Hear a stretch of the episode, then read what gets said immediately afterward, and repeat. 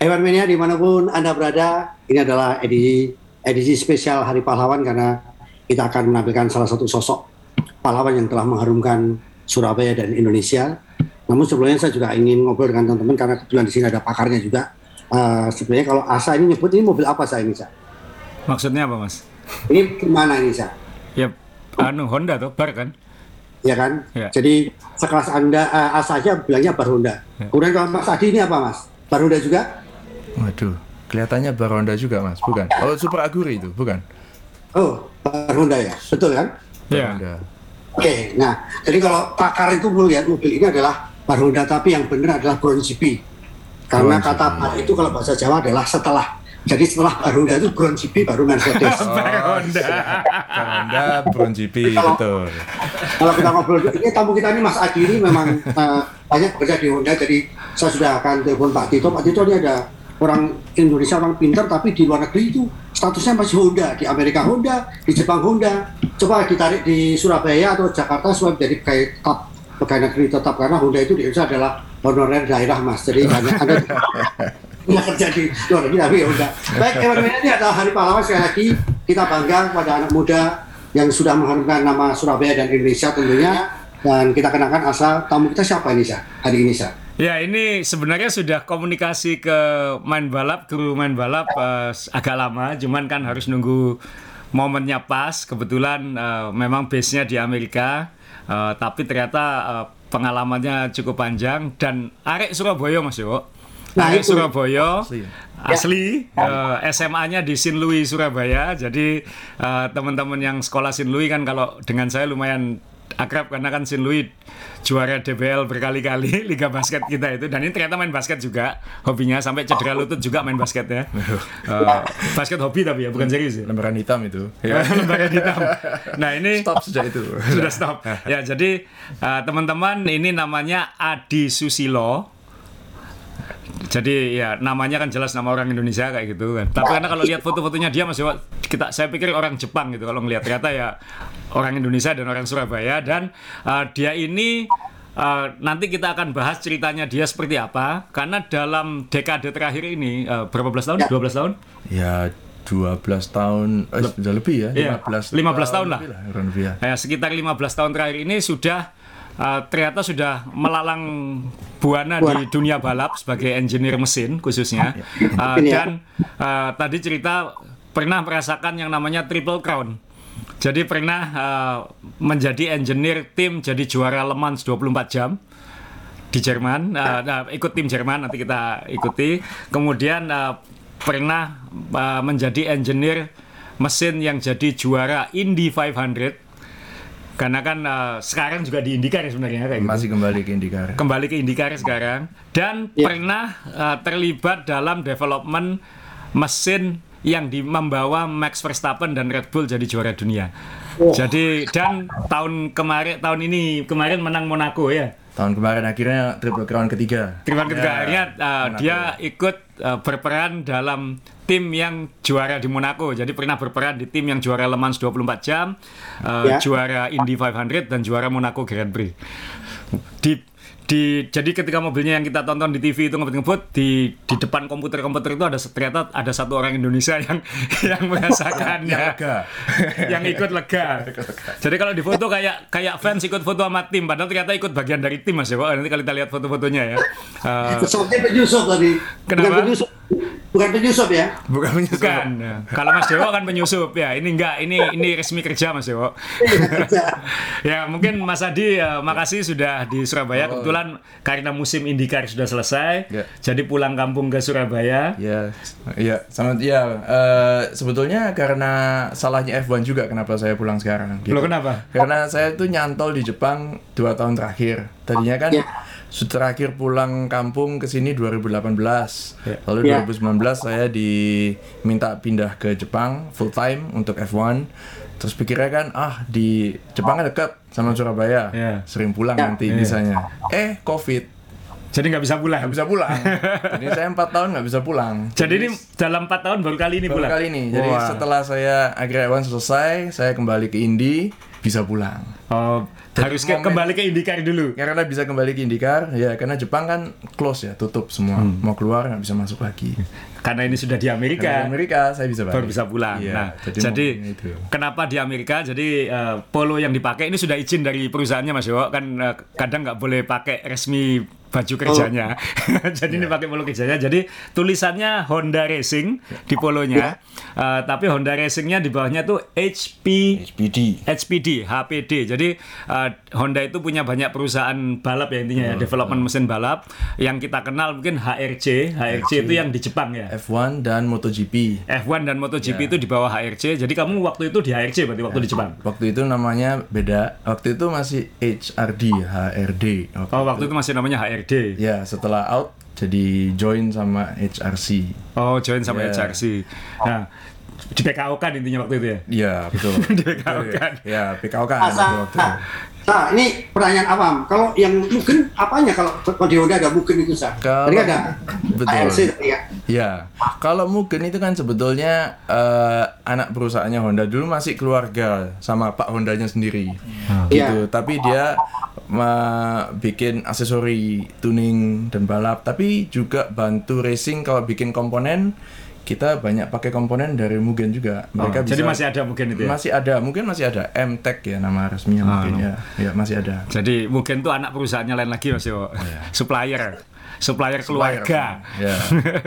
ya, kalau HPD itu kependekan dari Honda Performance Development. Honda Performance Development ini eh, apa ya eh, perusahaan mesin balap Honda yang di Amerika. untuk continental jadi untuk North America jadi Amerika Kanada Brazil dan dan apa semua yang di benua Amerika jadi IndyCar uh, IndyCar uh, endurance ya Daytona prototype LMDH uh, apalagi ya kita ada touring car juga Baha Baha, Oh, Baha Offroad itu, Baha ya. juga jadi semua yang pokoknya mainnya di benua Amerika itu kalau balap eh, kita yang tanganin Yang nangani mesinnya. yang ya. nangani mesin dan chassis juga.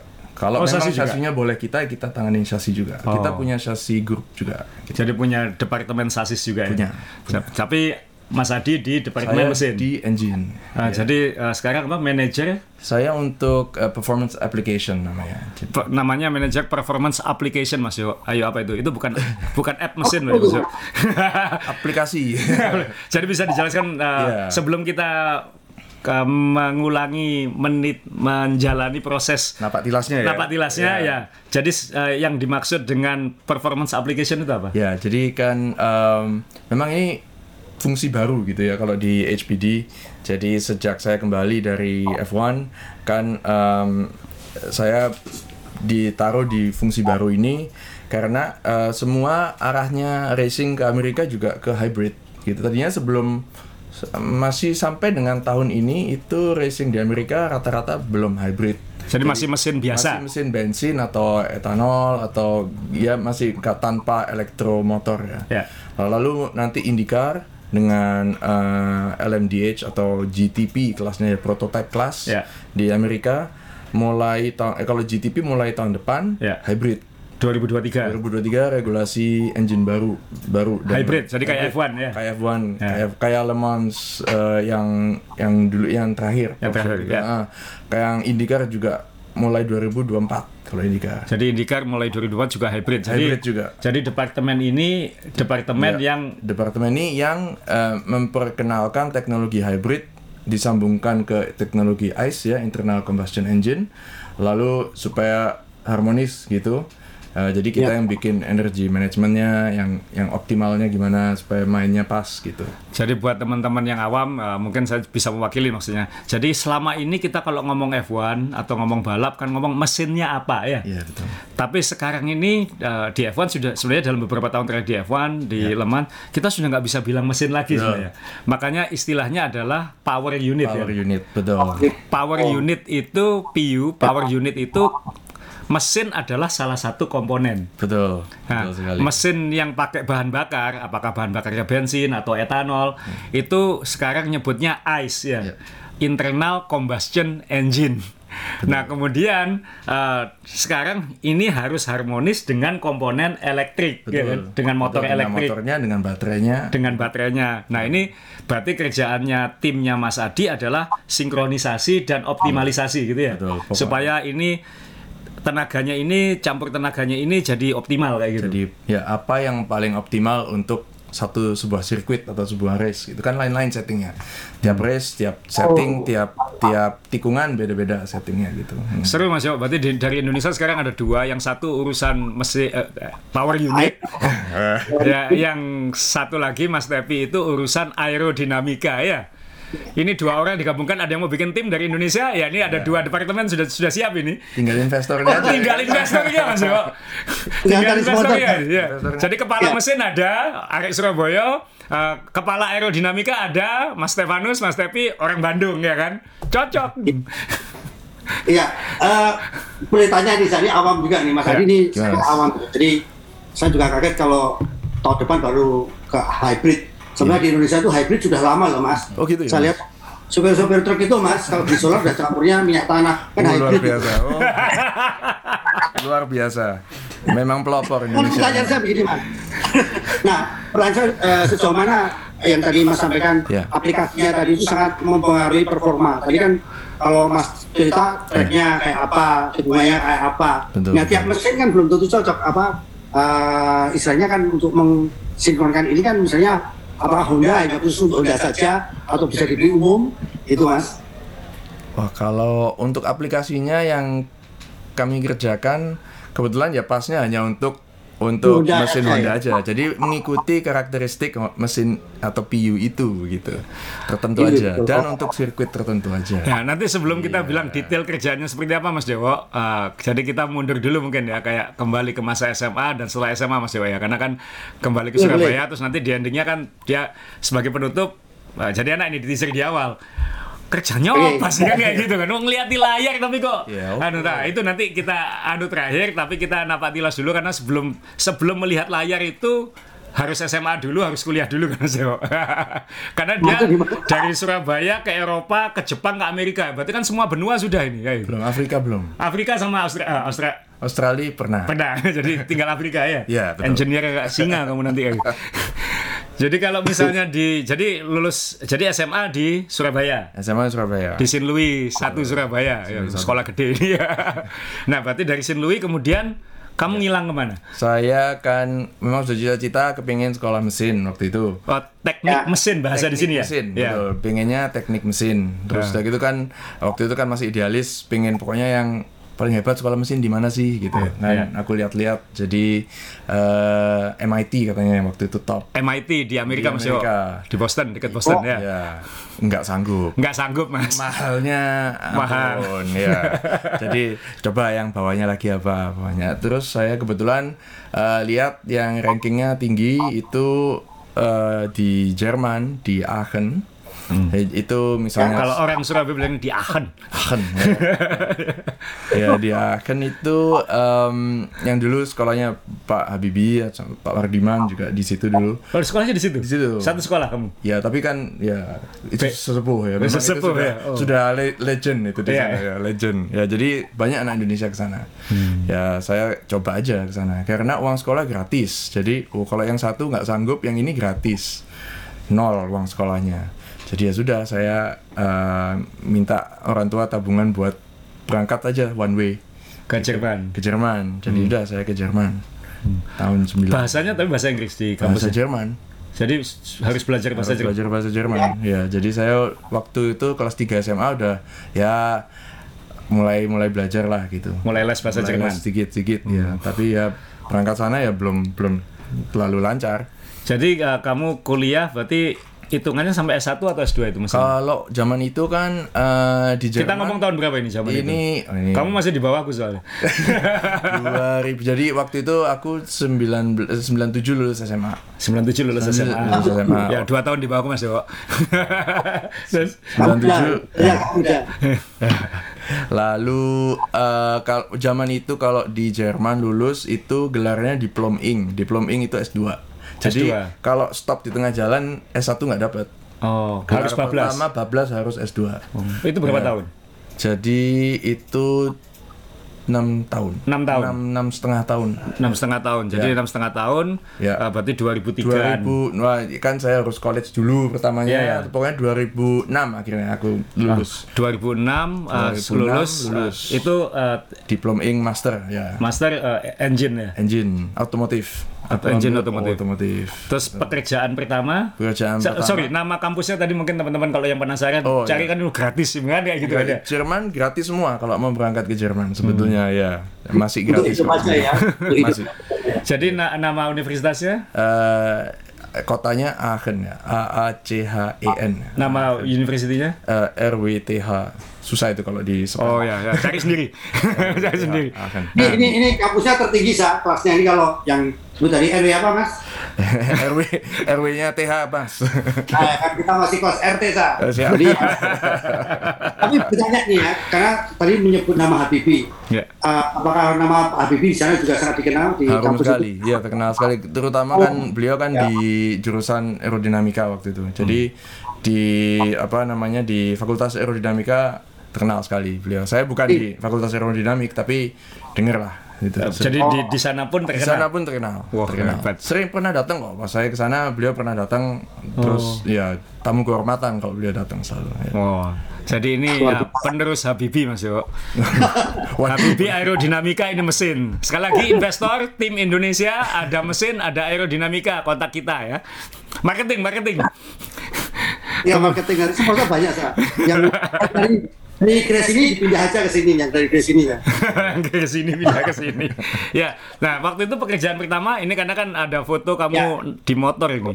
Iya. Nah, ini ini mukanya masih culun Mas Yo. Ini ini dulu. Loh, ini kok motor, kok BMW motornya? Ini bisa diceritakan ya. Ya kan pertama kali lulus kerja saya lamar kerja kan. Iya. Lamar kerja dapatnya di consultant untuk engineering. Jadi kalau ada perusahaan mau develop mobil baru atau sepeda motor baru, sering kali mereka nggak bikin sendiri gitu. Mereka outsource.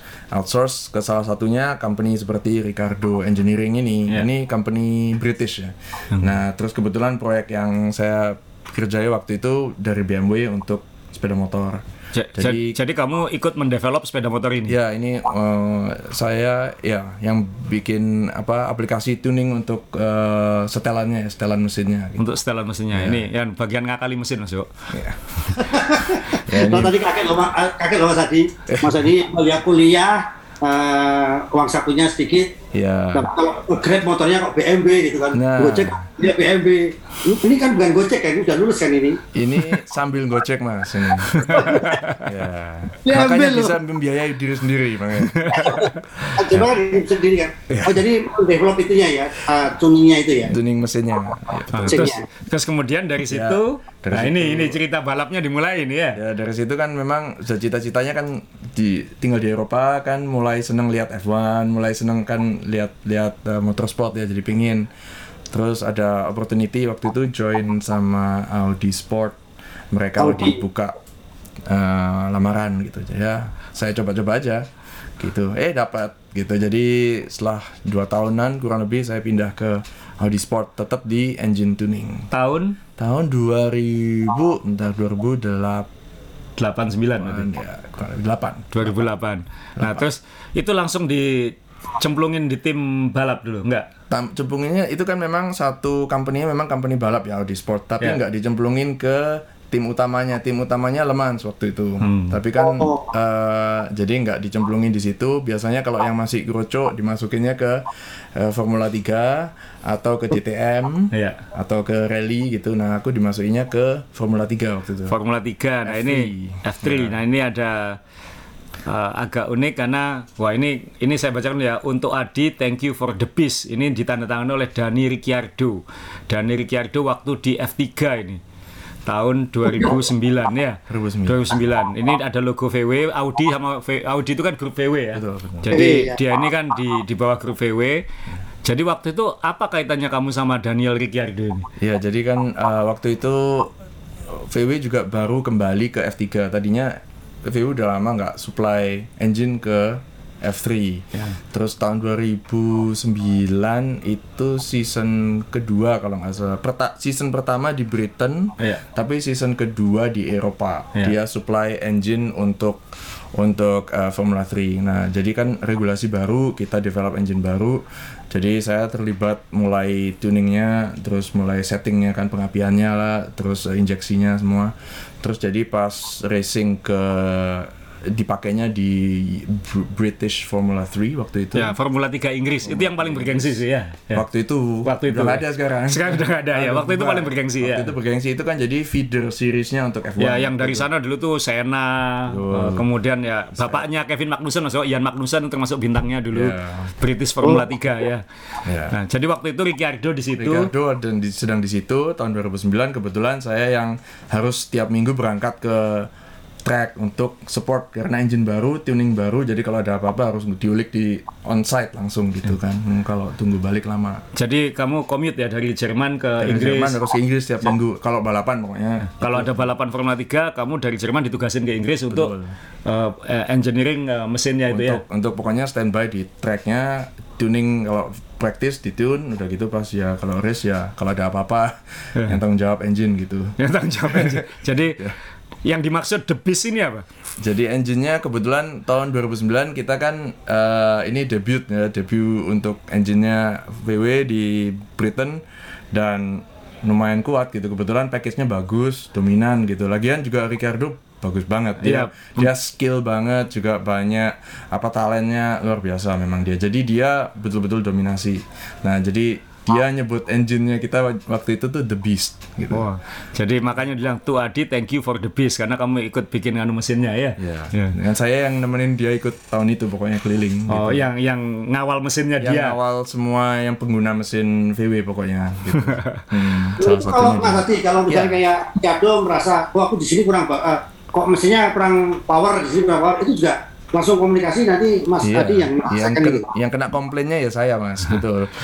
Oh. biasanya. Ya kalau memang ya ya lihat data gitu mas, biasanya ya di di kita dengarkan aja, kita tampung, kita catat, lalu lihat data. Kalau misalnya biasanya kalau memang pembalap yang yang jago ya, yang skill gitu, dia bisa betul apa yang dia katakan tuh ada di data gitu. Kelihatan ya. Kelihatan gitu. Oh, nggak bohong ini. Nggak gitu. bohong gitu. Iya. Nggak bohong. Nggak ngarang ya.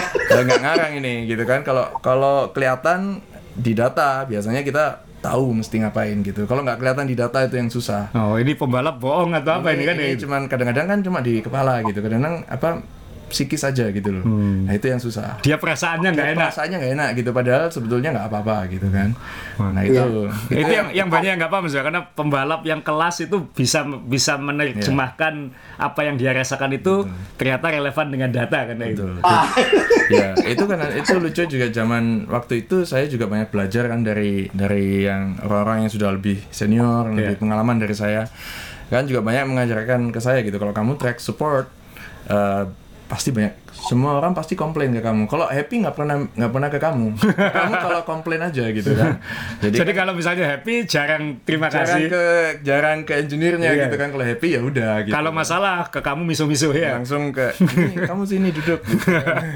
nah jadi bi- sering kali juga eh, gimana artnya untuk untuk eh, gimana ya deal dengan driver yang tipe gini sama tipe gitu gitu tuh belajar waktu itu buat saya juga belajar itu banyak banyak belajar itu Wah, eh, berarti dia dari F3 ya kan terus habis itu ditarik ke tim Akhirnya utamanya. boleh ya pindah dua tahun terakhir pindah ke tim utamanya Le Mans ya, ya. Delman, ini ada fotonya Mas Yowo. Ini makanya kalau saya lihat foto ini, ya kan kayak turis Mas Yowo.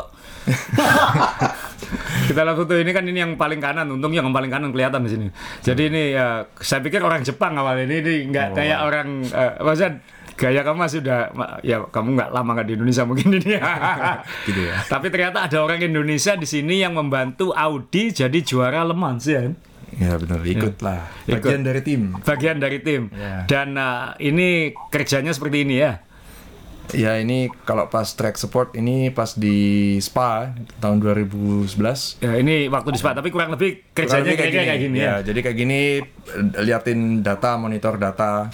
terus sama settingnya kalau ada apa-apa settingnya langsung kita ke mobil di send gitu settingnya Yang kamu lihat apa itu di monitor itu kan ada dua ada plus dua laptop. kan gitu. biasanya kalau yang atas itu yang itu ya jadi yang atas itu yang long term jadi kalau kalau terutama kalau kita endurance racing kan kadang-kadang kan kalau misalnya filter katakanlah filter udara ya Hmm. intake filter mulai pelan-pelan clogging mulai mulai penuh Kotor, kotor, kotoran. kotor, iya. tapi kan nggak langsung kelihatan jadi pelan-pelan pelan-pelan makin pressure-nya turun turun turun turun gitu kan. Nah gitu itu ya? jadi kalau yang atas kita biasanya tuh di zoom out banget datanya tuh kelihatan pelan-pelan trennya gimana. Jadi semua yang penting-penting datanya kita lihat trennya yang bawah itu yang lap by lap biasanya.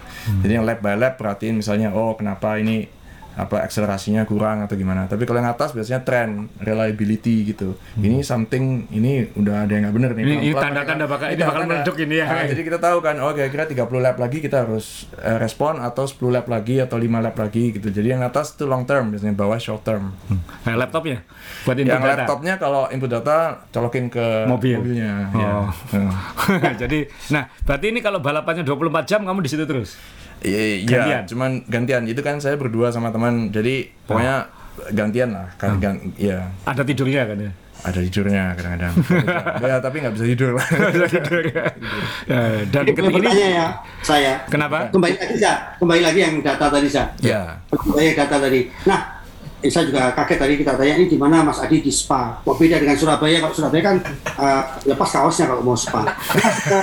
Tidak ada yang dilanjuti bahaya. Mas saya mau tanya, kalau misalnya tahu data-data mobil ini mulai lemah di sini, mulai sini, mulai kurang di sini. Pada saat pit stop, apakah mungkin langsung direspon itu, Mas? Ya kadang nggak semua bisa direspon mas ya. Kadang-kadang kalau yang yang kecil-kecil, yang gampang responnya cepet ya direspon. Tapi kadang-kadang kalau yang untuk responnya aja butuh 30 menit gitu ya ya udah pasrah aja. Dia dilihat aja gimana. Hmm. Jadi sering, Segitu ya. ya, eh, ke- sering juga kerjanya Mas ya, karena ngeliat ya garis lu. Iya. Mak garis aja pokoknya. ini juaranya tahun 2010 ya? 2000. yang pas eh, victory ini ini foto 2010 ini ini juga berkesan juga buat buat saya soalnya kita itu udah eh, nggak mungkin banget menang tahun itu sebetulnya dari pace nggak mungkin menang kita karena waktu itu didominasi sama Peugeot Eh, Peugeot Ya. 908 ya waktu Ya. itu mereka kuat sekali pace-nya qualifying mereka kuat lalu eh, pace race-nya juga kuat tapi pas 24 jam race gini dua atau tiga jam terakhir tiga Peugeot satu demi satu meledos Meledos. Eh, satu demi satu eh, engine failure itu yang lihat di garisnya ngantuk itu. Iya. jadi maksudnya di kalau di endurance racing itu pokoknya nggak boleh menyerah lalu kalau mereka bilang itu to finish first you first you have to finish Ya, to finish first, first you must finish. Ya. jadi kalau misalnya nggak bisa mau mau cepet mau kenceng kalau nggak bisa finish percuma gitu kan nah, jadi itu pelajaran juga buat saya makanya berkesan buat saya 2010 waktu itu, itu Kamu ada- bisa membayangkan nggak kalau itu mobilmu seperti itu kan kamu ngelihat angkanya itu kan udah ini sebentar lagi ini sebentar lagi sebentar lagi. Ngenes. Ngenes ya. Itu itu bisa kelihatan pasti kan ya. kelihatan mungkin mungkin tapi yang ini kalau nggak kalau saya kan ya nggak tahu ya apa yang terjadi di sana ya Ya. Eh, rumornya sih itu seketika gitu mereka Oh. nggak nggak nggak nggak nggak predik sama sekali gitu Nggak kelihatan di nggak data. kelihatan di data Oh, tangan Tuhan berarti. tiba-tiba aja gitu Tapi kalau memang seperti Asa tadi bilang katanya eh, kalau mobil mau meledak sudah kelihatan aja dari data itu mas. ada yang ada yang bisa tergantung apanya gitu ya tapi kadang-kadang bisa Waduh, bisa membayangkan saya balapan kemarin waktu eh, Alpine dua-duanya meledak itu terus gimana ya? Nah, itu. Angel, angel lagi angel. ya, ini ini sorry ini ada foto merayakan juaranya ini. Ini sama Oh, iya. pembalapnya Audi nih. Ya. Iya, dengan Yang kiri pembalapnya rasanya ini. yang kiri lontong balapnya itu pak Ya, anu nih, Tsunoda ini. Dia juga handle Tsunoda loh, Mas. ya. Oh iya ya. Ya, oke ini ini oke dari Le Mans dari Audi. Iya. Lah kamu ke Hondanya Nah. apa yang terjadi? Ya, yang terjadi sebenarnya kan eh, kebetulan terus eh, waktu itu mulai eh, pacaran. Oh, Nah, pacaran calon Mas istri. Yo. Ya. Di kebetulan calon istri di tinggalnya di Amerika. Oh. Jadi saya Orang Indonesia ya juga. pelan-pelan. Kenapa mas? Orang Indonesia atau Orang Surabaya juga teman sekolah Mas Yo. Ya, se- kalau orang tua saya bilang ini dikirim jauh-jauh, itu ya wong kene. Gitu. Jadi waktu itu eh, pacarnya waktu itu Ya, di di Amerika. di Amerika, Jadi kamu saya- di Jerman. di Jerman. Jadi hubungan lintas benua. lintas benua. Nah, jadi saya ah, coba-coba aja lah siapa tahu dapat chance di Amerika Ya. untuk eh, untuk ini kan racing juga. Ya. Eh dapat gitu. Dapatnya di Dapatnya di sini di Honda. di Honda. Honda Performance Development ini. Jadi 2011. 2011 Saya, saya pindah ke Honda. Nah, Honda Honda Racing Development itu eh, ro- Performance per- Development. per- Honda Performance Development itu basisnya di Di dekat Los Angeles. di Long Beach ya. Di Ah, dekat bukan. Los Angeles namanya di Santa Clarita. Jadi nama nama kotanya Santa Clarita dekat Los Angeles. Ya. Kebetulan pacarnya sekarang istrinya tinggalnya di situ. Nggak Di- jauh. Nggak jauh ya. jauh. Di sekitar LA maksudnya. di. Dekat Saya SF. malah dia dekat paling SF. tapi kan dekat paling Iya enggak iya iya. paling nggak eh, ya, ya, Empat jam nyetir lah. satu provinsi lah paling nggak satu provinsi. Satu provinsi gitu. Ya. Jadi dapat kerjaan di California, langsung bengkang dari Jerman ke Amerika, Betul, ya. eh, pindah ke HPD. Pindah ke HPD. Ya, waktu itu tugas pertamanya dia apa? IndyCar. Jadi waktu itu juga ganti regulasi IndyCar. Jadi sebenarnya kalau dari sisi engine paling seru-serunya itu pas kalau ganti formula itu kalau ganti regulasi kan Ganti- semuanya ya. baru kan. Ya. Nah, jadi jadi bukan cuma diulik dikit diulik dikit tapi kan Total kan baru. Hmm. Total baru gitu. Jadi waktu itu IndyCar juga total ganti dari yang V8 ke V6 turbo. Ya. Nah, jadi pertama kali V6 turbo tahun 2012 tanding itu berapa bulan nggak tidur saya. Nah, ini nih saya tampilin salah satu gambarnya. Ini tahun 2000 Mungkin ini 14. 2004 ya sekitar 12 Sekitar ini 12. ini orangnya di sini nih ini ini Mas Adi di sini Uh, ini kelihatan mobil IndyCar mesinnya Honda uh, uh, dan ini nama pembalapnya Graham Rahal uh, Graham Rahal ini nama legendary di Amerika karena ini anaknya Bobby Rahal Betul. Bobby Rahal itu mantan juara IndyCar yang juga pernah jadi bos tim Formula 1 Jaguar gitu kebetulan ada tanda tangannya Bob, Bobby Rahal di sayapnya Jaguar saya yang sering nampil di podcast ini Uh, ini bapaknya dia yang teken jadi ini waktu itu Adi sedang waktu ini kebetulan sedang di garasinya uh, tim Rehal ini ya Ya, ini persiapan untuk practice Indy 500. Jadi- oh ini di Indianapolis ini Indianapolis, ini di Indy 500.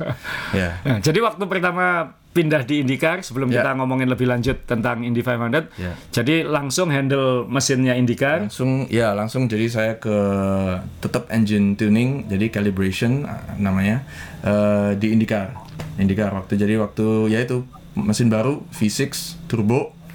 Udah silakan. Jadi mesin mesin ini ada tim desainnya, ada yang bikin Ada, begitu iya. jadi Anda yang menemukan setelannya. ya ya? setelannya gimana gitu kan unik juga kalau uh, IndyCar kayak misalnya di uh, secara teknis menantang gitu. Karena uh, se- apa secara teknis nggak boleh se sophisticated F1 gitu ya. Ya, tapi dia dia lebih spek formula kan lebih spek formula. Tapi juga speednya kurang lebih sama bahkan lebih tinggi. Speednya lebih tinggi aerodinamika lebih rendah. Jadi engine engine tuntutannya cukup cukup kuat Ya, gitu. Dan balapannya panjang-panjang, ada yang 500 Balapannya mile, ada yang 200 mile, 500 mile kan ya? Mile, ya. 500 mile itu loh, 800 kilo ya kira-kira kayak gitu 200. balapannya. F1 kan 300 kilo ya. 200 lap ya 200 lap di jadi Pertanyaan Asa, Ya. Eh, Mas Adi. Ini mumpung Asa dan Mas Adi ini kan Asa juga sering amati Indi. Saya juga eh, apa pengen tahu karena saya juga awam. Sebenarnya kalau kita ngomong Indi dengan Formula One tadi sudah disinggung Ya. eh, kecepatannya mungkin malah Indi lebih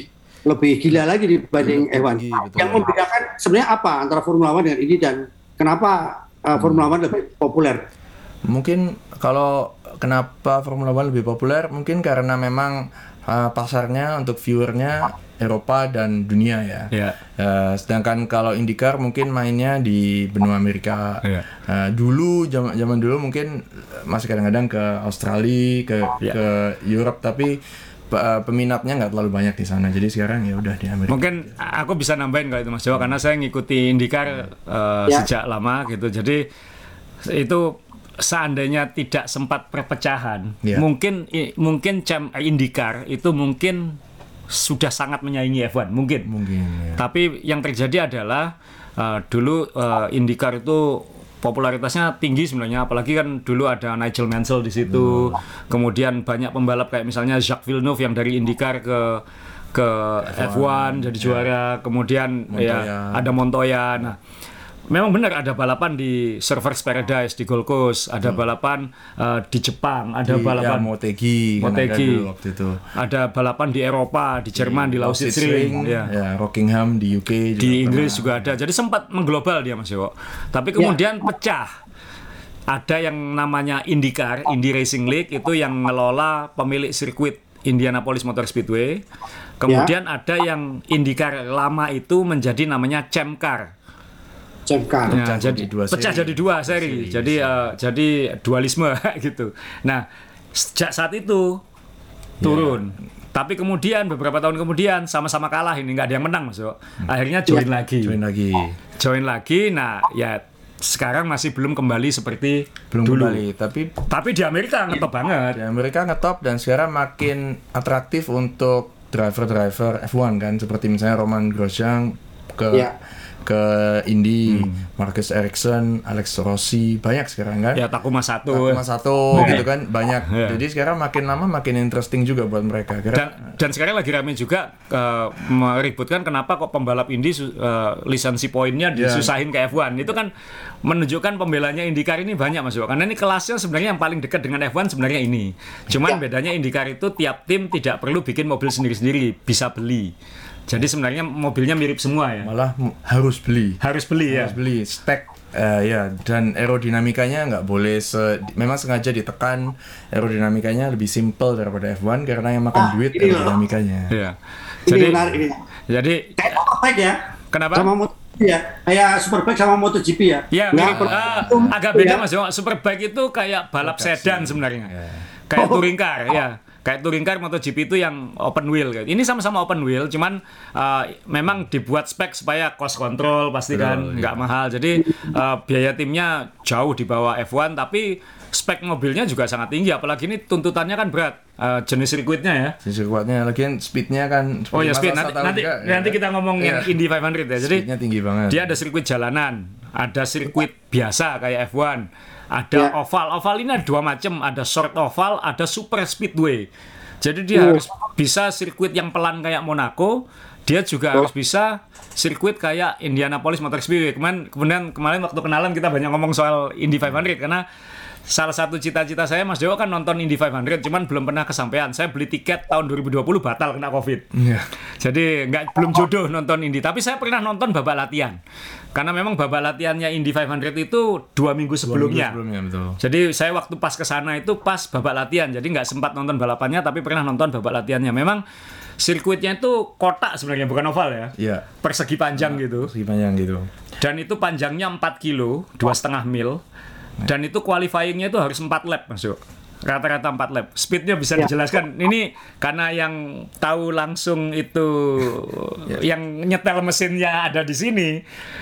Karena nonton F1 Anda anggap cepat, Anda belum nonton IndyCar. Itu speednya itu saya nonton di sebelah lintasan itu ini kalau nabrak kenapa kok nggak mati ya gitu. Jadi tolong Ya, disampaikan Mas Adi Indianapolis Motor Speedway, ntar saya nyombong dulu dikit. Ini foto saya di Indy five- di Indy Iya, iya. di ini ini tradisi nih ya ini di dulu sirkuit ini batu, jadi saya mencium uh, bat, mencium garis start finishnya.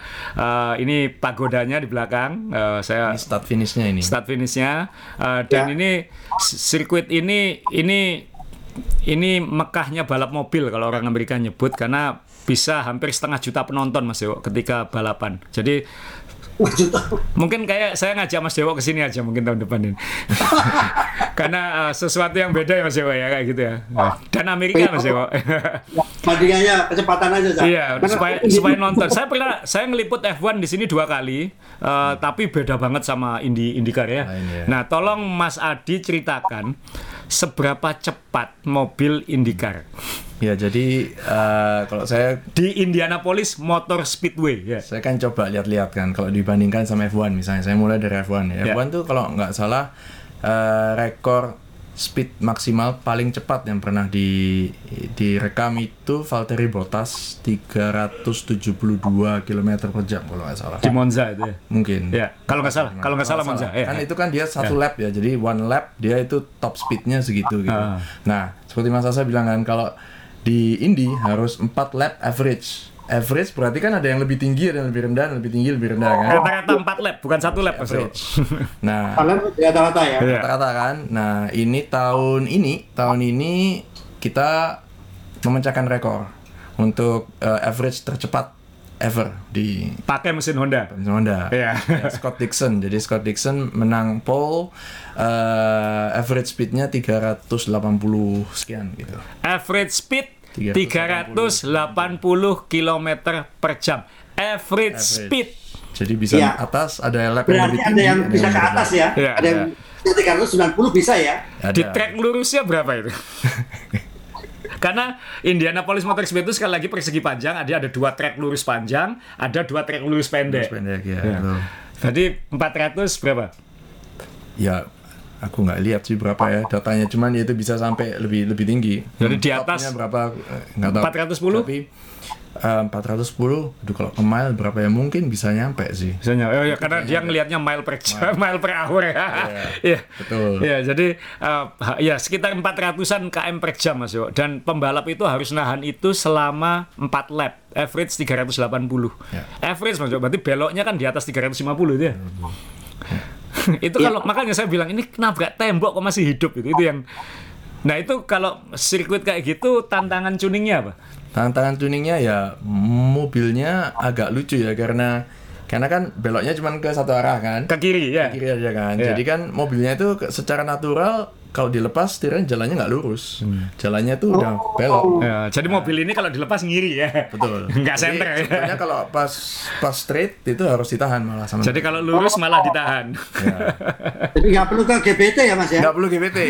Rusak kalau GBT nanti malah di- dibetulkan nanti. Jangan Contoh- Contoh dibetulkan. kan di penonton ini kan di Indonesia, kalau GPT itu kan kalau orang Surabaya kalau sepuri kan. Iya betul. Nanti malah dibetulkan sama GBT. Ini sengaja eh, itu miring memang. Ya. Lalu lalu juga driver-driver itu luar biasa ya mereka konsentrasinya karena mereka Nah, ini pertanyaan saya Mas. Berapa Ya. peserta? Karena kita pengen 33 mengkomen- yang ikut start Mas Yo. 33 Nah. yang ikut start ya. Ya, Betul. saya tadi mau bertanya, kalau peserta 33 dan kecepatan itu kan driver di sini kan harus konsentrasinya lebih berat dibanding Formula One. Iya, karena speednya tinggi Speednya terus tinggi. bersebelahan ya. sebelahan ya. Ya. 40 Ya, ini ke eh, Anda yang Anda kagumi dari pembalap-pembalap dari Indy Ya. 500 itu apa? Ya jadi konsentrasinya gitu kan. Kalau kalau saya sih misalnya nyetir 200 km per jam aja kan udah udah nggak bisa mau gatel aja udah dibiarin kan. Iya. Gatel nggak bisa garuk. Dan mereka bisa dengan dengan 400 km per jam masih bisa ganti setelan setiap empat dari empat straight yang tadi Mas Asa bilang itu setelannya lain-lain gitu. Jadi setelan suspensinya mereka ganti per corner. Per tikungan. Per tikungan mereka ganti. Jadi sebelum tikungan pindah setelan, Ya, sebelum tikungan pindah setelan. Engine tikung- juga gitu. Engine juga kita kasih empat setelan yang berbeda kalau perlu. Jadi kalau di tikungan ini pakai setting yang Pakai ini. setting ini. ya, gitu.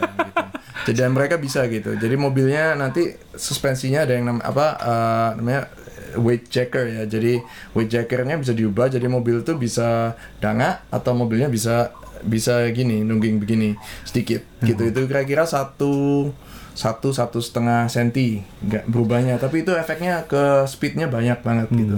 Jadi di misalnya turn 1 turn 3 itu biasanya agak agak gini nanti turn 2 turn 4 begini gitu Itu pembalapnya yang harus balapnya setel. yang harus ganti Jadi nyetir sambil ganti. Dia sambil ganti ya memang itu makanya pembalap luar biasa memang ya. Dan dan Honda eh, juara ya ini maksudnya Takuma 1 itu dua kali juara Mas Yo. Ini wah. Ini Mas Adi sama Takuma 1 ya. ya dua kali Indy Dia Iya. ya, eh, Takuma 1 ini dua kali juara Indy 500 Mas Yo. Ya, Dua kali ini juara ini. Satu ini idola saya Mas Adi, karena Ya. satu-satunya pembalap yang pernah dikeplak sama Michael Schumacher. Ngeyel lagi nih. Ngeyel. Nah, Ngeyel pertanyaan, tapi sopan Mas Dewa nggak kayak yang sekarang. eh, pertanyaan di eh, Indi, Ya. pernahkah ada kecelakaan yang sangat fatal sekali melibatkan banyak kendaraan kan kecepatan bisa 380 400 Eh, tinggal di YouTube Mas Yo, Indy 500 crash, banyak yang mati Mas Yo. aduh. Termasuk eh, Mario Andretti. Dulu kita tuh di umur 70 pernah kecelakaan terbang mobilnya di situ kecepatan tinggi. Eh, Berarti umur mobil- 60-an kalau nggak salah ya. Ya saya. Mobilnya lebih Formula One ya mobilnya ya. Oh safety, ini ini safety banget, ini safety banget karena eh, eh, sidepodnya juga lebih gede ya. Setpointnya ya, crash structure-nya Crash structure-nya lebih gede gitu. Jadi mereka yang paling takut kan kalau kalau eh, crash airborne, takutnya tuh terbang, Terbang. paling paling bahaya. Jadi karena itu eh, mobil-mobilnya biasanya proteksinya gimana supaya nggak nggak nggak fly gitu mobilnya, nggak terbang. Nah ini mumpung sebelum kita ngomongin yang relasi sama F1, kita ngomongin tentang safety-nya sedikit ya. Waduh, Mas, ya. Walaupun dia mesin, tapi uh, saya pengen nyampein ini ke- kemarin kan saya ngobrol sama dia agak lumayan lama kemarin Mas Dewa. Cuman ini saya mau nampilin perbandingannya loh, uh, safety-nya sekarang ya. Jadi kalau F1 kita kenal yang namanya Halo kan ya. Ya. Jadi ada ya. titanium, bagian titanium di depan pembalap ini yang untuk melindungi kalau kecelakaan. Kalau di IndyCar namanya aeroscreen. Aeroscreen betul. Jadi eh, ada helonya di sini, tapi dibungkus lagi pakai eh, kaca anti peluru ini. Ini kaca, iya ini apa? Eh, kaca eh, plexi semacam plexiglass Iya. plastik gitu. eh, plastik, eh, poli, kayak polikarbonat yang tebel. gitu ya. Karena tapi Ya, eh, heated ya, jadi dipanasin supaya nggak ngembun. Bang Anggun. Jadi ini pembalapnya lebih dilindungi lagi. Jadi lebih apa ya? Ini saya ngambil ini ini Scott Dixon ya. Ini Scott Dixon. Ini Scott Dixon yang Ini yang dimak- memecahkan memecahkan rekor kecepatan tapi ini foto lamanya ini ya. Ya. Eh, ini jadi pembalapnya lebih terlindungi di dalam di dalam sini. Eh, kemarin kemarin saya ngobrol Mas Dewa ini panas banget di dalam. Dia bilang ya panas itu di dalam.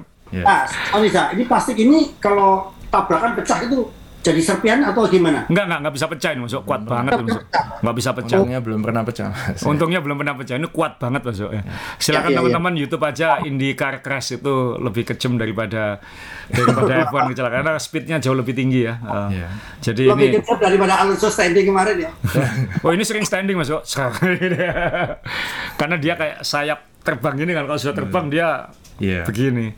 Eh, Teman-teman tolong kan lah saya saya ini penggemar berat IndyCar sejak, sejak dulu. Jadi eh, saya waktu split itu saya nonton Champ Car. Saya berpihak ke Champ Car. dulu. Champ Car, Eh, ya. saya nggak suka IRL dulu. Tapi begitu gabung lagi ya sekarang belajar lagi ngikuti lagi. Tapi ya ya belum secinta dulu. Karena dulu kan saya penggemar Zanardi, Dulu, Montoya, iya. Iya, betul. Villeneuve itu. Iya.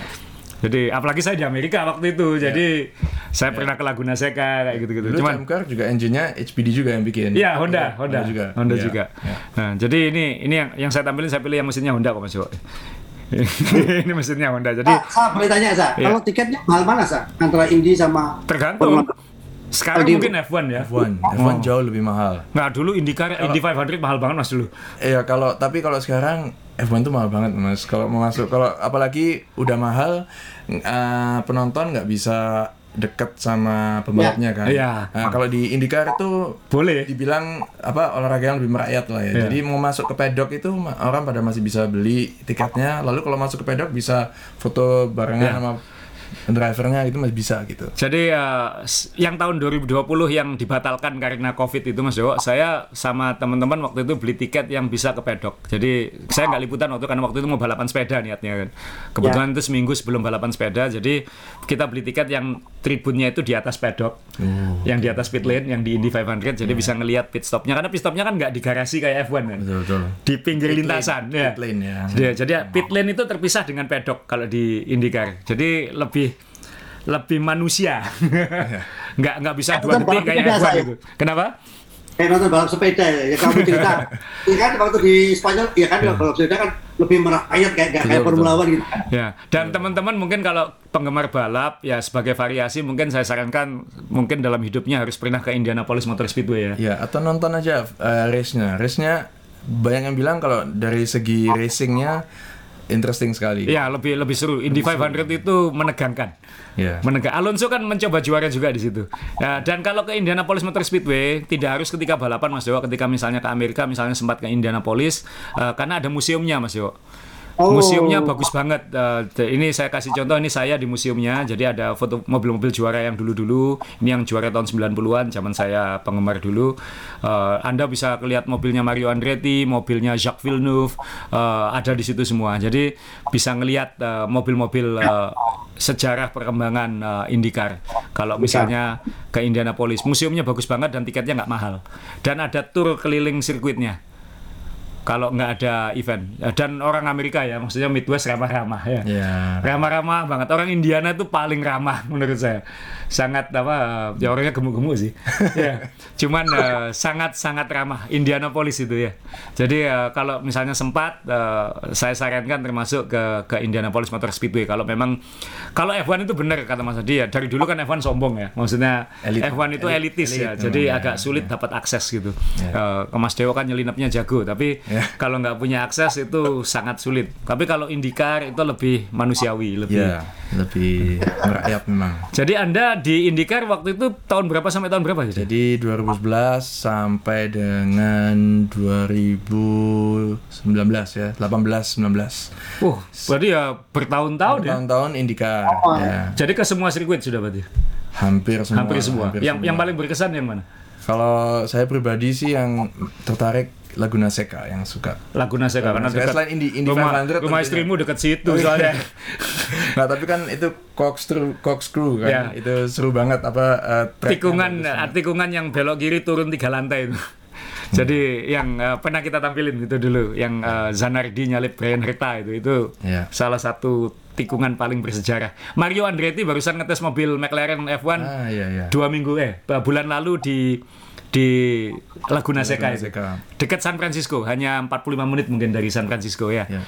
Ya. Ja- Jadi kalau misalnya pengen ke sana juga itu juga menarik. Jadi tidak harus nonton F1 kan Mas Yo. Ya mungkin ayo Mas Yo Indy 500 aja yuk. Satu masih kita dari tadi itu ngotak atik ternyata ada dapat jawabannya memang Mas Edi ini memang orang, orang pinter sah. Tadi dari Audi kenapa bisa ke Honda? Saya mikir karena mendekati pacarnya kok bisa langsung masuk Honda. Saya mikir lagi apa pacarnya itu bapaknya yang punya dealer Ramayana Honda di Surabaya ya seperti Aduh. itu. Sayangnya, sayangnya bukan mas. Kalau iya sudah balik sini mas.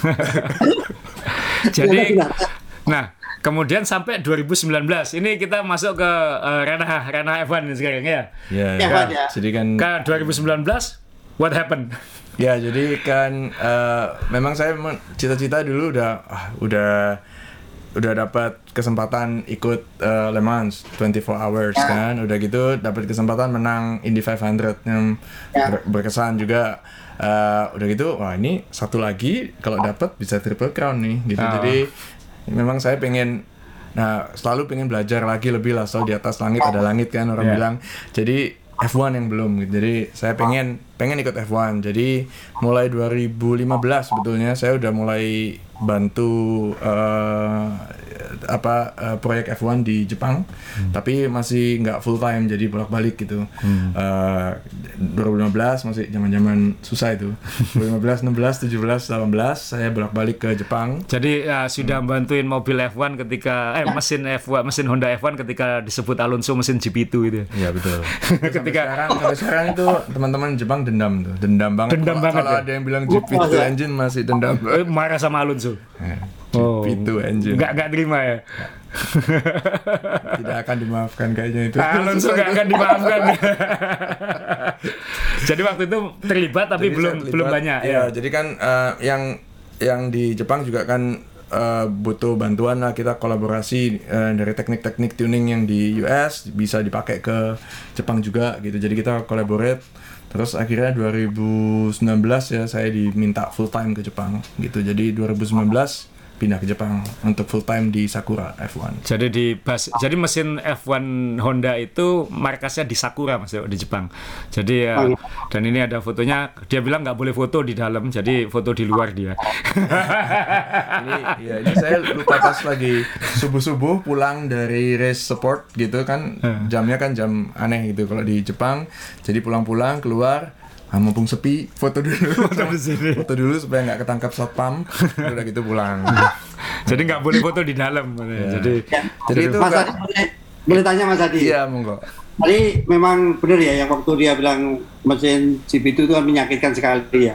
Tapi ketika dengan uh, Red Bull kenapa uh, Honda menjelma jadi luar biasa mas. Itu tidak baliknya. Nah, ini ceritanya Mas. Ya, ini ini ini ceritanya ini. Nah ini mungkin juga apa mungkin ya sejak zaman itu kan zaman sulit ya mas. Jadi di sampai dibilang GP2 engine segala itu jadi jadi buat ya untuk untuk teman-teman di Honda Jepang juga mereka motivasinya makin kuat untuk membuktikan mereka bisa gitu kan. Jadi kerja keras banget. Mereka kerja keras sekali. Mulai 2015 16 tuh saya kan lihat lihat eh, evolusinya kan. Kayak tiap tahun saya ke sana. Jadi saya ingat tuh 2015 16 17 18 itu kalau setiap kali saya ke sana itu udah hampir nggak ada yang tidur. Mereka kerja terus siang malam siang malam siang malam kerja. Kalau akhirnya saya pindah sana kan 2019 Istri ikut ya ya? istri ikut. Ya, jadi kami berdua pindah dua tahun di Jepang. Iya. Nah, jadi eh, em, udah akhirnya udah mulai stabil gitu. Sudah, sudah mulai stabil. Tapi mereka akhirnya mulai bisa menunjukkan engine-nya kompetitif gitu kan? PU-nya bisa bersaing. Jadi jadi udah agak lega lah. Tapi mereka tadinya itu terdorong oleh semua pers negatif dan oleh semua eh, komen-komen negatif tuh makin ini kayaknya Pengen makin- segera meninggalkan makin- masa iya. susah itu ya. Betul, betul. mereka makan mali- makin semangat menurut saya gitu. Oh enggak ya? Ya lalu ya eh, yang kemarin kita ngobrol-ngobrol eh, tentang kenapa eh, Honda bisa sampai akhirnya eh, me- me- membantu Max Verstappen untuk juara dunia tahun 2021 itu eh, kan orang banyak yang bilang nih sayang nih Honda udah juara dunia kok mundur gitu kan tapi kalau menurut pendapat saya pribadi karena saya sendiri juga ngalamin di sana waktu saya di sana waktu diumumkan kita mundur itu kan itu menurut saya kita bisa memena- bisa akhirnya menang juara dunia karena mundur juga gitu Jadi karena keputusan mundur itu jadi pemicu. jadi pemicu untuk menang. Eh, logikanya begini karena pada saat kan namanya development engine tuh nggak bikin engine sekarang untuk besok gitu. Nggak kan bikin sekarang engine-nya. Jadinya engine-nya itu mungkin setengah tahun lagi atau satu tahun lagi. Jadi kita punya plan nih development plan untuk 2000 eh, waktu itu kan 2020 ya. Jadi punya plan tuh 2021 2022 2023 itu udah udah ada plannya gitu. Kita kita introduce komponen ini introduce komponen ini lalu komponen ini gitu kan. Tapi begitu tahu-tahu dicabut nih kalian tinggal satu tahun lagi cuman 2021 ya udah masukin semua. All in. Oh, dek- jadi yang untuk 2023 masukkan sekarang sekalian gitu. udah all in. Jadi menurut saya akhirnya karena kita all in sem- eh, engine-nya jadi kuat Luar biasa. jadi jadi akhirnya masuk. Jadi jadi susah juga dibilang ah sayang ya udah udah menang kok mundur itu tapi menurut saya pribadi kalau nggak mundur nggak menang juga gitu. Salah kan? Jadi itu diancam ya kalau kayak gini nggak menang. menang ini nggak menang. Gitu.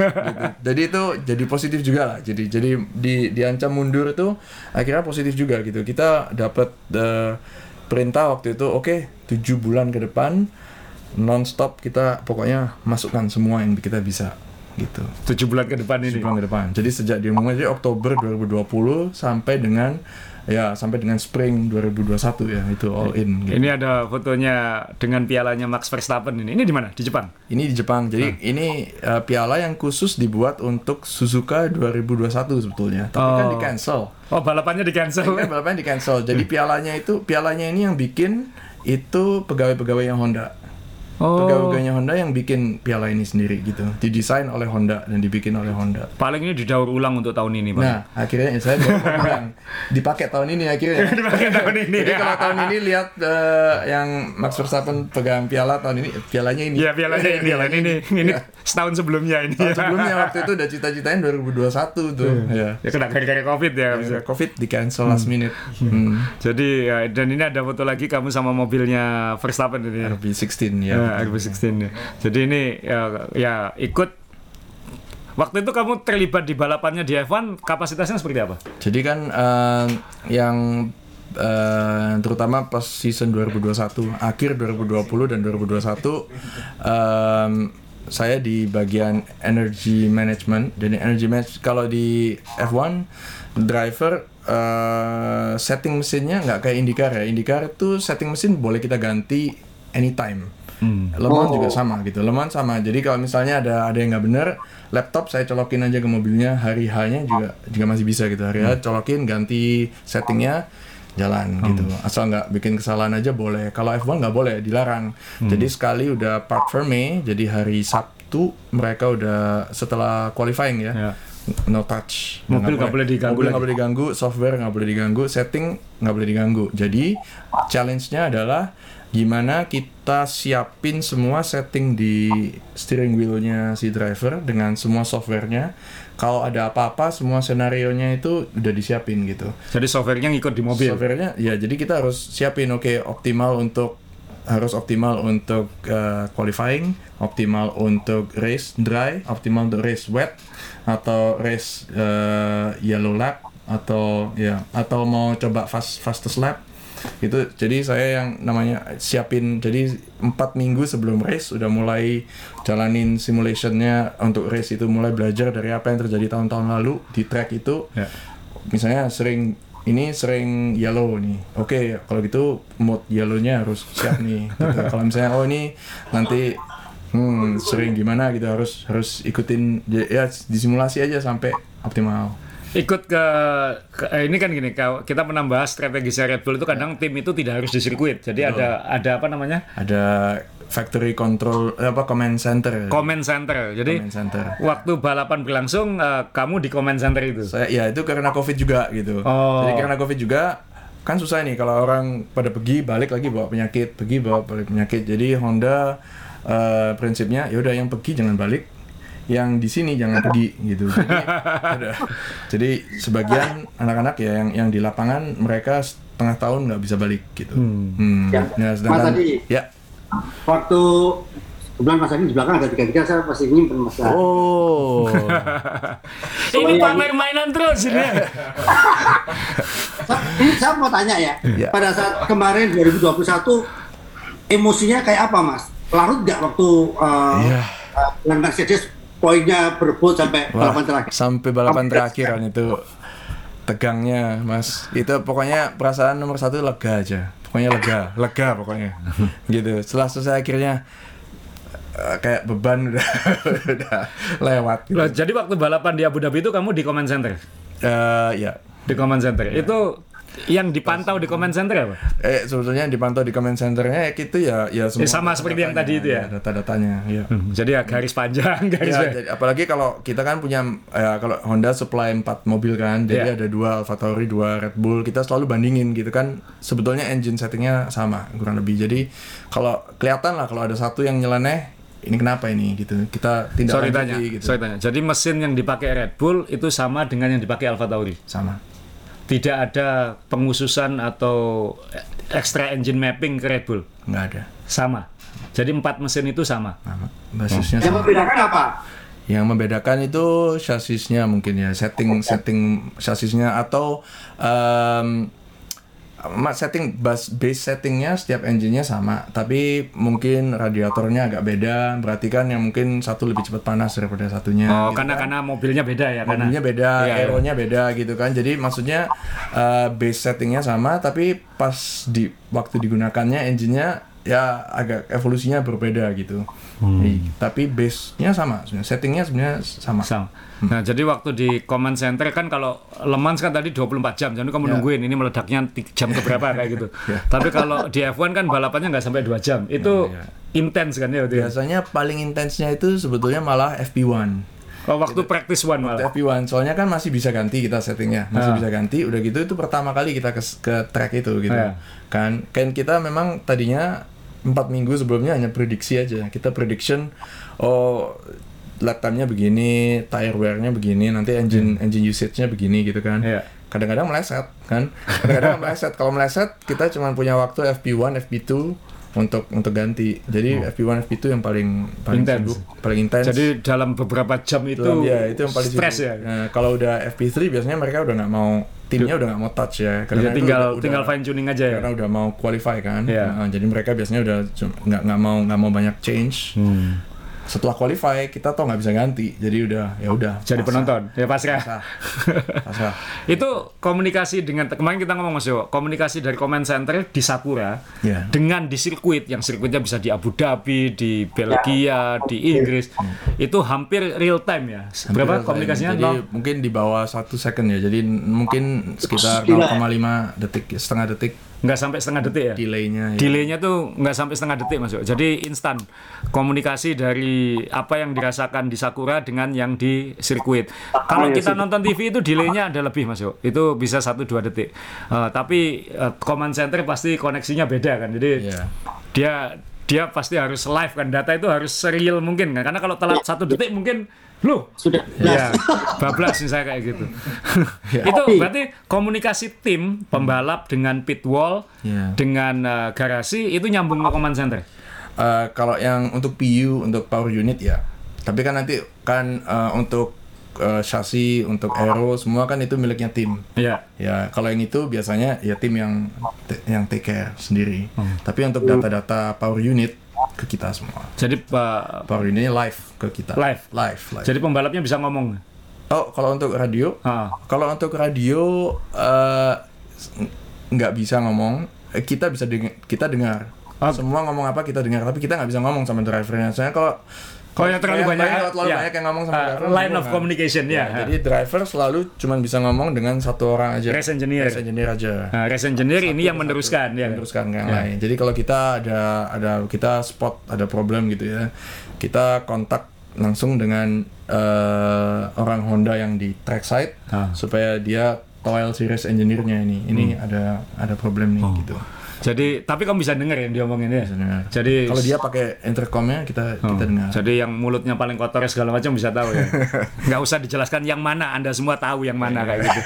Dan ini saya nggak mau ngulik lagi karena itu udah rahasia. Kalau di tingkat media pun sudah rahasia itu. Kayaknya itu yang mulutnya paling kotor itu yang mana kayak gitu ya.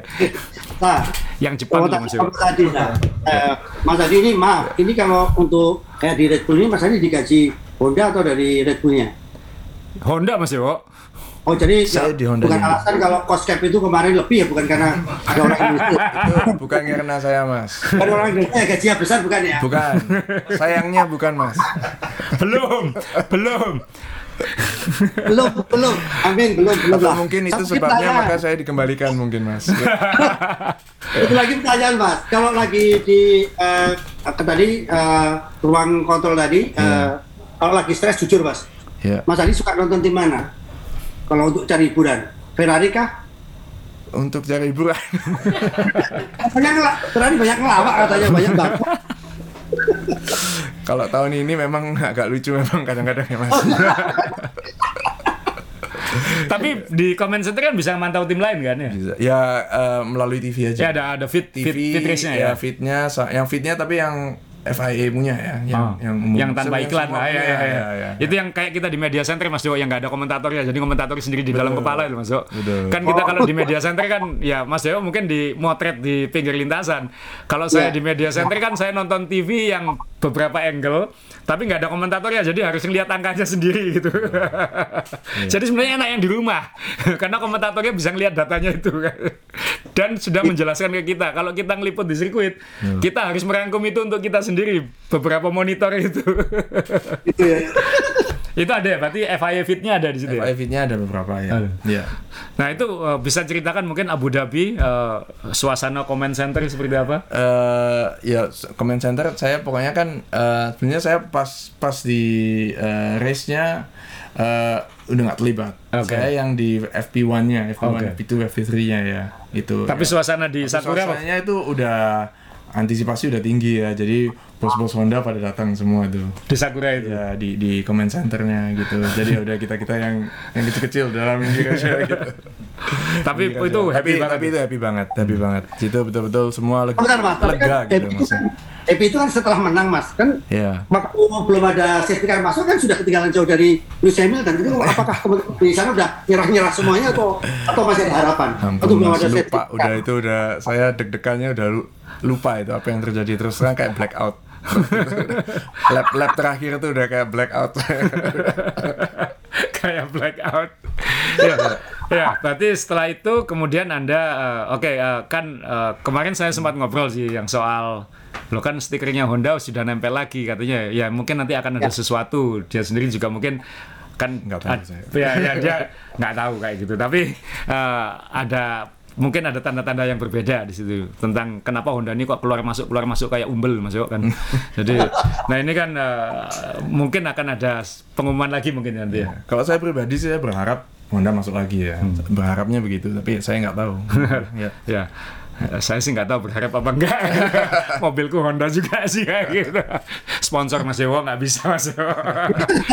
Mas Adi, Iya. eh, kalau dari sisi marketing, apakah dampaknya luar biasa Honda masuk di Formula One? Kalau di lucunya kalau di Eropa dampaknya besar, di Jepang, Asia dampaknya besar. Tapi kalau di Amerika karena mungkin eh, IndyCar lebih populer di daerah-daerah tertentu, jadi menang Indy 500 kadang-kadang lebih lebih dikenal masa daripada menang F1. Tapi cukup dikenal juga karena menang ya juara dunia ya. Ya, cukup cukup juga dikenal. Apalagi F1 populer banget di Amerika F1 sekarang. populer sekarang. Iya. Ya belakangan sejak apa Drive to Survive kan Iya. itu ngetop banget ya. Jadi sekarang banyak sebenarnya peminatnya. Hmm. Makanya tiketnya mahal-mahal itu. Tiketnya Ya. Nah, karena karena saya, saudara saya di kampung kan kalau cari mobil yang ada di Formula One takut beli mobilnya itu. Nanti nanti bannya boros gonta ganti. Enggak itu beda itu untuk balapan bilang gitu.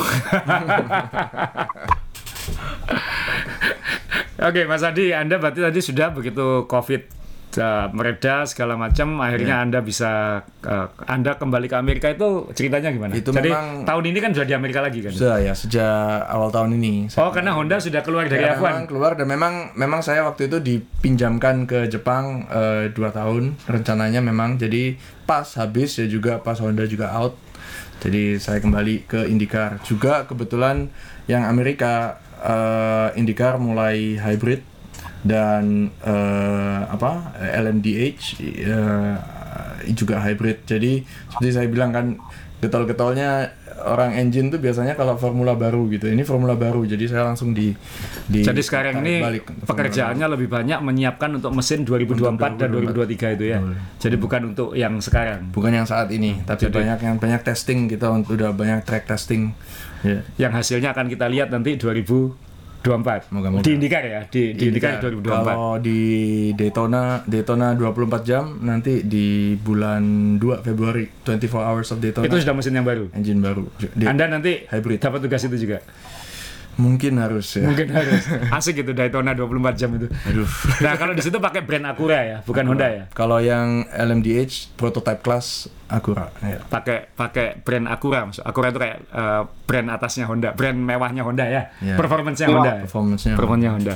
Jadi ya seru juga Mas Yoga. Ternyata eh, ini eh, ada arek Surabaya yang yang ngerasain semua nih. Berarti kan nanti habis ini eh, cita-citanya apa? Di di karir di per mesin per power unitan ini. Kan nggak boleh lagi ngomong teknik mesin karena habis ini mesin punah. itu makanya saya kan takut sebagai jurusan teknik mesin kan sebelum punah cepat-cepat belajar yang baru ini. Yang baru. supaya Oh, masih ada kerjaan. Kalau Ma- enggak makanya pindah ke divisi iya, itu ya. cepat ini kan ya, proteksi gitu. Oh makanya kamu uh, mau ke bagian yang uh, apa tadi istilahnya uh, jadi uh, performance application ini. performance application karena ke depan bukan sekedar karena ya lama-lama ya. lama-lama kalau yang klasik kan yang ice itu lama-lama ya seperti Mas Asa bilang kan punah gitu kan jadi ya supaya saya belajar aja belajar yang baru pasti ilmu tuh masih banyak lah ilmu yang ke depan ini punah ini kita nggak update nanti ada, iya. ketinggalan juga gitu ya. Betul. ya jadi ya cita-cita saya sementara ya pokoknya apa yang baru Iya. dipelajari aja gitu Sekali lagi Oke. tim balap F1 Indonesia mesin aerodinamika ada. Ya. Tinggal bikin terowongan angin di mana daerah yang banyak anginnya Mas Yo. Eh, kalau di di sini ya dekat Kenjeran saya, dekat Kenjeran banyak angin. tapi, tapi luar biasa ya. Eh, jujur Mas Adi, saya nggak kira kalau ceritanya seperti ini karena asal cuman WA saya ada Mas Adi pernah kerja di sini, sini, sini. Dan ternyata semoga ini menginspirasi karena ini hari pahlawan saya. Ya. Se- seperti menginspirasi anak-anak muda ternyata apa pun bisa dan banyak orang Indonesia yang sangat eh, populer di Amerika karena ada di basket, ada di otomotif, masih banyak lagi. Nah ada ini juga juga- yang yang diinginkan Mas Adi kemarin ya. Betul, Mas. Kenapa misinya ada di sini juga bisa diceritakan lagi? Ya, ya? jadi saya tuh eh, kalau lihat komunitas otomotif di Indonesia, otomotif, otomotif yang terutama yang suka balap di Indonesia, saya itu kepinginnya itu sharing dengan dengan eh, komunitas otomotif supaya kalau lihat yang namanya F1 lah, yang namanya IndyCar lah, pokoknya pinnacle motorsport ya di Ya. dunia. Itu jangan merasa itu yang nun jauh di sana gitu. Kita bisa sebagai orang Indonesia kita bisa ke sana kalau mau gitu. Saya yang nggak punya biaya untuk sekolah aja, pokoknya niat nekat ke sana bisa jadi gitu. Asal asal mau bisa. Itu yang saya pengen sampaikan ke rekan-rekan gitu. Jadi juga buat teman-teman yang sekarang kuliah teknik mesin mengingat masa depan PU. Ya. Masih saya saya juga punya teman yang jadi kepala eh, mekanik perusahaan otomotif gitu. Iya. Aku nanti masa depanku ini kerja apa ya Sul ya kalau mesin Ya. nggak ada ini katanya kayak gitu. belum punah belum akan secepat itu punah lah belum tapi mungkin arahnya ke hybrid Ya. nanti hybrid untuk waktu yang lama mungkin masih hybrid menurut saya Hmm. Belum switch Ya. full. belum ya? switch full eh, elektrik karena elektrik itu masih teknologinya berat untuk untuk dijadikan balap ya Oh, ini untuk untuk bahasa balap. balap ya? ya Untuk balap untuk ya. balap masih masih sulit Masih sulit. masih sulit ya Jadi intinya bisa Mas Yowo ini ini ada arek Surabaya di sini, ada anak Bandung di sana gitu kan. Sebenarnya mereka kan bersenggolan Mas. Yang satu di Alfa Tauri, yang satu di Honda, cuman nggak ketemu kayaknya ini. belum pernah ketemu Belum pernah Ya, ketemu. saya- ya, belum pernah ketemu Ya. Ini, ini Padahal- luar biasa ya. Menginspirasinya luar biasa nih Mas uh, Mas Oh, Adi. terima Jadi kasih. uh, Mas Adi boleh tahu ini boleh nggak di share misalnya IG atau apa kalau teman-teman ada yang tertarik gimana caranya kuliah kok bisa jadi ini bisa jadi ini. Karena Oh. sekarang ibu mertua saya kan penjahit pun ya kalau mesinnya mesin jahitnya rusak nggak pernah ngomong ya sekarang. oh gitu Ya bu, bu- bilang cuma power unit itu rusak ya. nah ini boleh nggak share uh, IG atau apa kalau boleh misalnya teman-teman boleh mas ini banyak yang sudah DM saya loh tolong mas dari saya dari komunitas balap liar tolong dicuning katanya gitu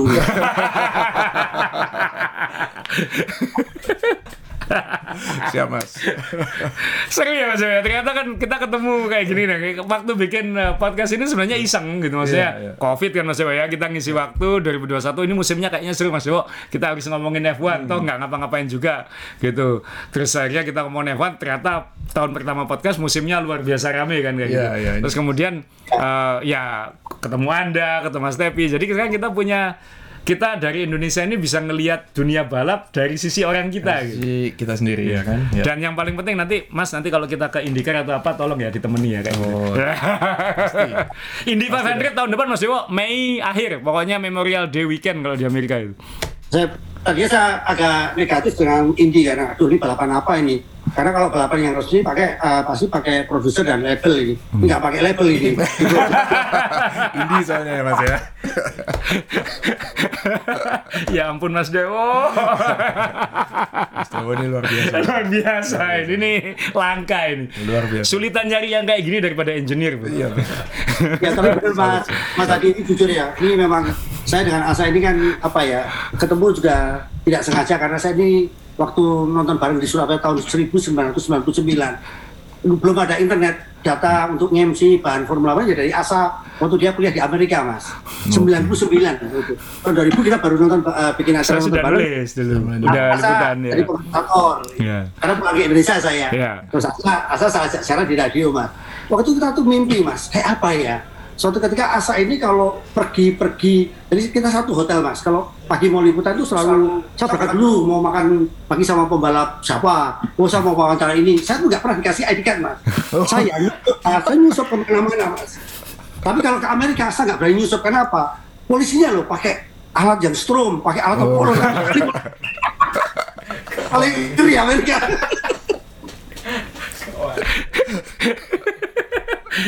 Iya Mas Dewo, eh, eh, kita akhirnya Mas Dewo. Jadi Mas Adi terima kasih banyak. mungkin nanti kapan-kapan kalau misalnya pas ada luang, ada sesuatu yang sangat menarik, mungkin kita bisa eh, ngobrol lagi via Zoom atau apa kayak gitu ya.